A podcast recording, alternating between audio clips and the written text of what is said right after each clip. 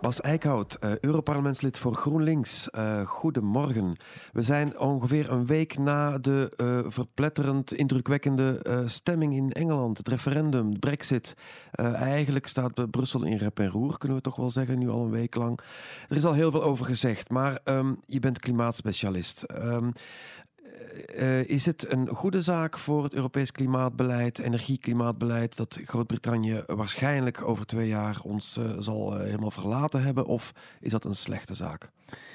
Nou ja, dat is, wel meteen de hele moeilijke vraag. Um, kijk, uiteindelijk voor het internationale klimaatbeleid zal elk land iets moeten doen. En tot nu toe vielen de Britten natuurlijk onder, onder het Europese programma. Dus um, echt voor het mondiale beleid valt het nog maar te bezien of er iets verandert. Uh, wat natuurlijk wel gevaarlijk is, is dat Europa uh, heel erg gaat navelstaren, met zichzelf bezig zijn en, en eigenlijk met allerlei andere zaken in plaats van de plannen maken voor klimaatbeleid. Dus uh, ja, de onzekerheid, deze situatie is aan zich natuurlijk nooit goed. Mm. Um, uh, ik, ik, heb een quote gelezen van Christiana Figueres, hè, de um, uh, UNFCCC, uh, een van de leidsters van dat proces. die zegt: Stay calm and transform on. de vrees is een beetje dat samen met die voorspelde economische teruggang door, door, door het hele gebeuren, dat ook investeringen in groene technologie zullen teruglopen. Omdat de redenering zou kunnen zijn, als er dan bespaard wordt, dan is het vaak eerder in die sectoren. En dan gaat men een beetje terugvallen op ja, de status quo, uh, uh, de fossiele industrie die, die, die, we kennen, die er is, die draait. Uh, en, en risico gaat men dan. Men is geneigd om minder risico te nemen. Of is dat een, een te grote, een te pessimistische nou, ik denk dat dat de reden is waarom Figueres heel erg probeert uit te stralen. Jongens, hè, stay calm en transform on. Uh, ga gewoon door met, met het beleid dat jullie al deden. Om een beetje de markt, uh, zover je die nu tot rust kan brengen, om die tot rust te brengen. Uh, maar je ziet eigenlijk al wel meteen reacties. Eigenlijk het, het, het mooiste voorbeeld is, of nou ja, het is geen mooi voorbeeld, het is een triest voorbeeld, is Siemens.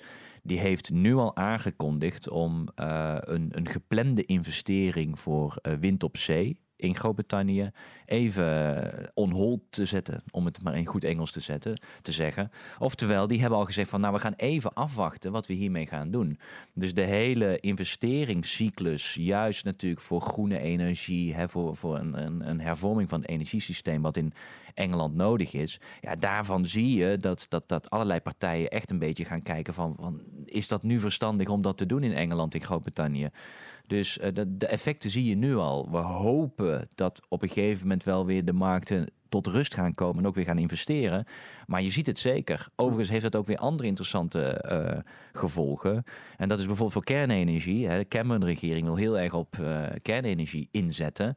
En ze hebben daarvoor Hinkley Point ook al wat hele concrete plannen. Waar heel veel subsidies naartoe gaan? Waar heel veel subsidies naartoe gaan. En waar ook uh, een Chinese investeerder uh, nodig was. En die Chinese investeerder heeft ook al aangegeven niet meer helemaal zeker te zijn als we wel door willen gaan. Dat zou het eigenlijk het einde betekenen van die investeringen. Dus ja, oeps, uh, je ziet het echt aan alle kanten. Want dat is al een redelijk vergevorderd project, hè, die kerncentrale. In, in de plannen is het al vergevorderd. het was ook een beetje de redding van EDF in Frankrijk. die heeft niet zo heel veel projecten meer. En die hebben eigenlijk heel erg de hoop gezet op, op Engeland om daar nog weer nieuwe kerncentrales te bouwen. Ja, als dat niet doorgaat, heeft dat ook weer een effect op EDF in Frankrijk.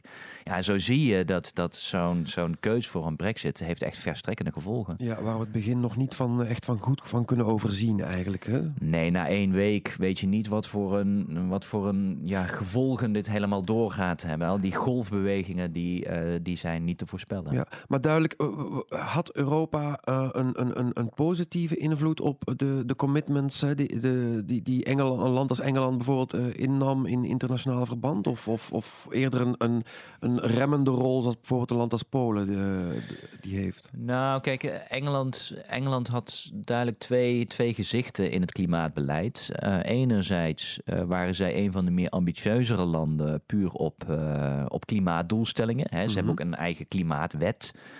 De Climate Change Act, uh, die zij gewoon voor het eigen land al hebben afgesproken. Een beetje zoals GroenLinks en de PvdA Ja. wilden ook. eh, Ja, dat is eh, geest. eh, eigenlijk het klimaatplan van GroenLinks en PvdA is wel een beetje zeg maar, gebaseerd op, op wat er in Engeland Mhm. eh, al is aangenomen. Er zitten natuurlijk verschillen in in de context, maar, maar het idee is hetzelfde. Dus echt een lange termijn doelstelling. En daar moet dan elk jaar een nieuw eh, budget voor gemaakt worden. Ehm, dus, dus in die zin zijn de Engelsen eh, zeker wel het, het progressievere land op klimaatbeleid. En dat merkt hij ook in de internationale onderhandelingen. Dat, dat de ministers van Milieu van de Engelsen toch altijd wel een positieve rol speelden in die onderhandelingen. Maar aan de andere kant. eh, de Engelsen moeten niets hebben van besparing of, of duurzame energie. Hè. Ze zijn nogal markt. eh, ja, hoe zullen we dat zeggen? Eh, markt. Vrije markt, zal het allemaal wel regelen, ja. Zullen we maar zeggen. Die zeggen we doen één doel en dan komt alles goed. Terwijl we uit, uit, alle, uit alle onderzoeken zien dat, dat bijvoorbeeld besparing. Ja, volgens de marktwetten zou besparing al lang veel meer hebben moeten leveren. Ja. Dat is niet gebeurd. Dus additioneel beleid is nodig. En daar hebben de Britten altijd op de rem gestaan. Ja, ik herinner me, en dat is wel interessant ook in het kader van die hele Brexit-campagne, eh, de eco-design-richtlijn. hè. Het ma- Ja. Hoe worden producten eh, gemaakt? Waarbij de Engelse pers, de tabloidpers, echt eh, tekeer ging tegen Brussel, die zich nu ook al met de zuigkracht van stofzuigers ging bemoeien. Ja, of, of de laatste was dat English toast niet meer n- mogelijk zou zijn, omdat er ook gewoon eh, zuinigheidseisen aan een toasters en dat soort apparaten ging komen. Nou, dat zou het einde zijn van het English breakfast volgens de tabloids. Eh, ja, ja het is fascinerend om die tabloids te volgen, hoeveel onzin daarin kan verschijnen. Ehm, maar dat, dat, dat soort beleid staat in Engeland, of in ieder geval zeker bij die tabloids, een bijna symbool voor de, voor de, voor de Bemoeizucht. bemoeizucht van Brussel. En, en daardoor was echt ook altijd de, de Engelse regering een van de remmers voor eigenlijk heel nuttig beleid op, op energiebesparing, op bezuinigen van, van de energiekosten. Ja, daar kan het juist misschien weer eens een positief effect zijn als, als Engeland niet meer meedoet. Want het, voor de goede orde, die eco-design-richtlijn ging erom dat producten minder eh, elektriciteit gebruiken, maar dezelfde performantie nog altijd hebben. Hè. Ja. Het, is, het is niet dat... Even terug naar die stofzuigers. Daarvan is berekend dat als je gewoon kijkt naar de, eh, de, de besparing die je daarmee levert, eh, bij rond 2020 nicht. Heb je minder uitstoot gelijk aan ongeveer vier kolencentrales. Als heel Europa dus gewoon die zuinigere stofzuigers gaat verkopen, dan bespaar je een, een, een energiehoeveelheid gelijk aan vier kolencentrales. Nou, dat is een gigantische hoeveelheid. ja. Eh, dat is geen klein bier. Maar Mm. natuurlijk, het klinkt heel grappig. Hè? Dus, dus stofzuigers. Hè? eh, hè, Europa moet zich niet met zuigen Maar bezighouden. dat, maar als dat dus Europees beleid beïnvloedt, door eh, zeg maar gewoon leugenachtige berichtgeving, laten we maar noemen zoals het is, want het, is, het, het gaat toch redelijk ver. eh, eh, dan, want, want het, er werd gezegd dat die stofzuiger, Engelsen houden heel erg van tapijten. Hè, vandaar dat ze zo gehecht zijn aan hun stofzuiger. Ja. En als je dus gaat mensen wijsmaken dat de stofzuigers de tapijten niet meer schoon krijgen, dan is dat, valt dat toch wel onder de categorie eh, misleiding. Ja, ja, zeker omdat, omdat deze wetgeving eigenlijk ook is toegejuicht, juist door de stofzuigermakers. Juist, ja. Want die hebben last van internationale concurrentie. kwamen wat goedkope Chinese stofzuigers die ja, vooral heel veel vermogen hebben, maar qua zuigkracht echt niet zo heel veel meer doen. En de Europese makers die hebben juist alles op zuigkracht ingezet op een zuinige manier.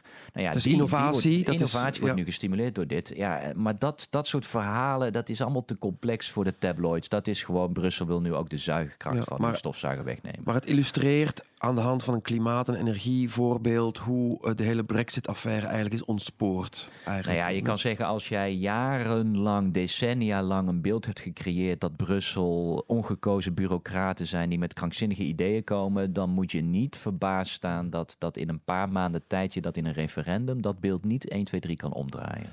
We moeten het ook heel eh, dringend over ETS hebben, maar toch nog even heel kort samenvattend. eh, wat, ja, ik weet het is een beetje koffiedik kijken, zoals men zegt, maar eh, zal, zal de, het VK, eh, Verenigd Koninkrijk, nu een heel ander klimaatbeleid gaan voeren? Of, of toch zal men eerder dicht bij de EU blijven? Boris Johnson heeft in een column blijkbaar gezegd dat hij op milieuvlak toch wel wil samenwerken. Ja. Ehm, Wat, Ja, dat is, het, het is moeilijk te voorspellen hè, voor, wat voor, een, eh, voor wat voor een oplossing ze gaan. Maar het, het, het is zeker zo dat de Britten eh, uiteindelijk wel onderdeel willen blijven van die interne markt. Dat hoor je toch wel, dat, hè, Ja. behalve de UKIP, die zeggen, nou dat hoeft ook niet eens. Maar eigenlijk, eigenlijk de, het Leave-campagne van de Tories, die zeggen allemaal, ja we willen daarvan onderdeel blijven. Dat betekent dus dat ze heel veel beleid moeten blijven doen zonder dat ze inspraak hebben. Ze moeten ook geld daarvoor betalen, dus dat blijft ook eh, staan. En in die interne markt valt ook gewoon vrijheid van, van arbeid. Dus ook, Ja. ook eigenlijk alle punten die in de campagne een rol speelden, is nog maar de vraag of dat heel substantieel gaat veranderen. Mhm. Eh, en, en Johnson heeft in ieder geval gezegd van nee, we, we blijven heel dicht bij Europa en we moeten gewoon blijven samenwerken op een ta- aantal terreinen. En toen noemde hij milieubeleid expliciet. Dus dat zou erop hinten dat, dat de Britten eigenlijk eh, wel gewoon ja, onderdeel willen blijven van het EU-klimaatbeleid. Mm. Even een bruggetje naar ETS. Eh, het is vandaag 30 juni. De Volkskrant opent vanochtend met een eh, artikel, eh, een studie van het Planbureau voor het Leefmilieu, waar je vroeger zelf hebt gewerkt als wetenschapper. Ja, planbureau voor de leefomgeving. Leefomgeving, Ja, excuseer. ja niet uit. Eh, die hebben een studie gepubliceerd die eigenlijk zegt: ja, de afspraken in Parijs zijn onvoldoende. Eh, we moeten echt een eh, tandje bijsteken, zoals ze dat in Vlaanderen zo mooi zeggen. Want als we met dit, dit, dit, dit, ambitieniveau verder gaan, dan eindigen we eind van de eeuw met een 3 graden stijging. Ja. Ik vat het even heel kort en bondig samen, maar Ja. daar komt het ongeveer op neer. Ben je verrast? Waarschijnlijk niet. Maar Nee, het is eigenlijk een, een bevestiging van wat we wisten. Alleen is het nu nog eens een keer helemaal goed uitgerekend. En wordt er ook wel voor de eerste keer echt goed gekeken wat betekent anderhalve graad, hè, wat in Parijs genoemd is. Nou ja, niet verbazend genoeg anderhalf. Als je de opwarming beneden anderhalve graad wil houden, dan zul je nog harder naar beneden moeten gaan met je uitstoot. Eh, en we weten, de, de plannen die de landen hebben ingediend, eh, die zijn onvoldoende. En dat geldt ook voor Europa. En, en Europa heeft tot nu toe gezegd, nou, onze plannen liggen wel in lijn met Parijs. Ja, dit is een zoveelste bevestiging dat Europa zelf ook ambitieuzer moet worden. Eh, ja, dat, dat wordt een heftig debat. Eh, dat zullen we gaan voeren in, nou ja, met de lidstaten in het Europees Parlement. dat ben je aan het voeren. Zijn we aan het voeren in een aantal wetgevende dossiers inderdaad, waaronder dus emissiehandel. Ja, ja. Eh, maar ook hier bijvoorbeeld, even terug naar die brexit, ook hier de Britten zijn daar nog niet helder in wat zij nou willen. Dus, dus ja, of de Britten nou wel of niet onderdeel zijn van de EU, eh, z- dit blijft een lastig debat. uit deze publicatie blijkt wel weer opnieuw de urgentie. Want Ja. dat dreigen we wel eens uit het oog te verliezen, toch? Hè? Men, men denkt dat, eh, nou goed, de- er wordt voor gezorgd, denkt de, de, de gemiddelde burger dan. Hè? Er zijn eh, hoopvolle signalen uit Parijs gekomen. Ja. Er wordt aan gewerkt, maar goed, jij eh, werkt hier als parlementslid en merkt, denk ik, ook in het wetgevende processen hoe traag en het is echt, het blijft toch wel een beetje duwen en sleuren. Eh, kan, je, kan je aangeven wat er deze week... Je hebt amendementen ingediend Ja. over die emissiehandel. Kan je Ja. even uitleggen, emissiehandel kort, wat het is... En, en waarom jullie nu die amendementen hebben ingediend? Ja, dit is gewoon. eh, de, de commissie die heeft het recht op initiatief. Dus die heeft nu een voorstel gedaan voor eh, de nieuwe periode emissiehandel van 2020 tot 2030. Want Mhm. daar hebben we het dan over. Er ligt nu beleid tot en met 2020. Ja. Nou, emissiehandel, het idee is heel simpel. Je hebt een, een plafond dat elk jaar naar beneden gaat. Plafond aan, ko- eh, Aan CO2, emissierechten. CO2 die uitgestoten mag worden, maximaal. Emissierechten, nou dat Mhm. wordt steeds, steeds minder. En daardoor creëer je schaarste, waardoor een bedrijf op een gegeven moment gaat kiezen om minder uit te stoten, omdat het goedkoper is dan om emissierechten te kopen. Ja. Nou, dat is het idee. Maar in de praktijk eh, is dit instrument zo kapot gelobbyd, om het maar heel simpel te zeggen, door industrie, dat er heel veel vrije rechten zijn weggegeven. eh, veel te veel. eh, dat door de economische crisis er eigenlijk veel te veel rechten nog in het systeem zitten. Er zit echt een Mhm. luchtbel in het systeem. Dus het functioneert niet goed. Want, Nou, die, koolstofprijs die is gewoon veel te laag. ja, die ligt, is nu, die ligt nu rond de 5. En dan overigens ook interessant, die is gedaald door de brexit. 5 euro per... Ver, ver, 5 euro per ton CO2. Dat is een schijntje. Dat is echt heel weinig. En die is nu zelfs verder gedaald door de brexit. Dus ook de onzekerheid van de markten heeft ook weer effect op die koolstofprijs. Mhm.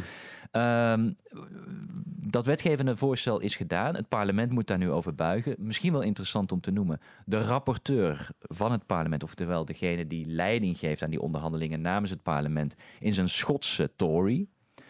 En die heeft. Poor fellow. Eh, ja, eh, die heeft in een soort van opwelling van, eh, ik denk, ja, emotie, heeft hij vrijdag, de dag na de uitslag, meteen gezegd, ja, als de Britten eruit willen, als er een brexit komt, dan kan ik deze, dit dossier niet meer doen. Dus die heeft zijn rapporteurschap neergelegd. Op zich wel enigszins ook wel begrijpelijk. maar- Begrijpelijk, want het is beleid voor na 2020. Ja. Alleen dit zorgt er nu voor dat we even geen rapporteur hebben. Terwijl ja, de deadlines gingen door. Dus afgelopen dinsdag heb ik gewoon mijn amendementen moeten inleveren. Want die deadline was ervoor. Nou, je kan je van ons voorstellen dat wij heel veel ambitie in onze amendementen hebben ingezet. Heb je niet een greep gedaan naar het rapporteurschap? Van... Ja, dat is complex, omdat eh, dat rapporteurschap wordt per pol- politieke groep verdeeld. Ja. En het is dus in de handen van de politieke fractie waar de Tories in Dus zitten. het zijn de Tories die nu eigenlijk een opvolging moeten Nou, er is nu een risico dat, eh, dat de andere grote delegatie uit die fractie eh, het rapporteurschap gaat opeisen. En dat is de huidige Poolse regeringspartij, de PIS. Mooie partijnaam. What's in a name? Ja, dus dat die dus zeggen, nou dan worden wij rapporteur. Nou, dat wordt natuurlijk wel fascinerend als je daar een nogal conservatieve Pool eh, op het rapport hebt zitten. Dat zal het niet Hmm. makkelijker maken. Dus Nee. wij gaan volgende week bespreken of, of niet zeg maar dat rapporteurschap toch naar een andere politieke groep moet. Dat zou dan nog naar de Groenen kunnen, maar over het algemeen eh, worden andere politieke partijen daar heel zenuwachtig van als zo'n belangrijk dossier in de hand van Groenen komt. Dus die kans is niet super groot. Kun je aangeven hoe belangrijk dat ETS is in het totaal pakket van eh, klimaatbeleid dat in Brussel wordt gemaakt? Welke rol speelt dat precies? Eh, is dat... Ja, heel simpel gezegd eh, heb je zeg maar de industrie, die valt onder het emissiehandelsgedeelte. Dus dat is een Europees instrument en dat geldt voor de hele Europese industrie.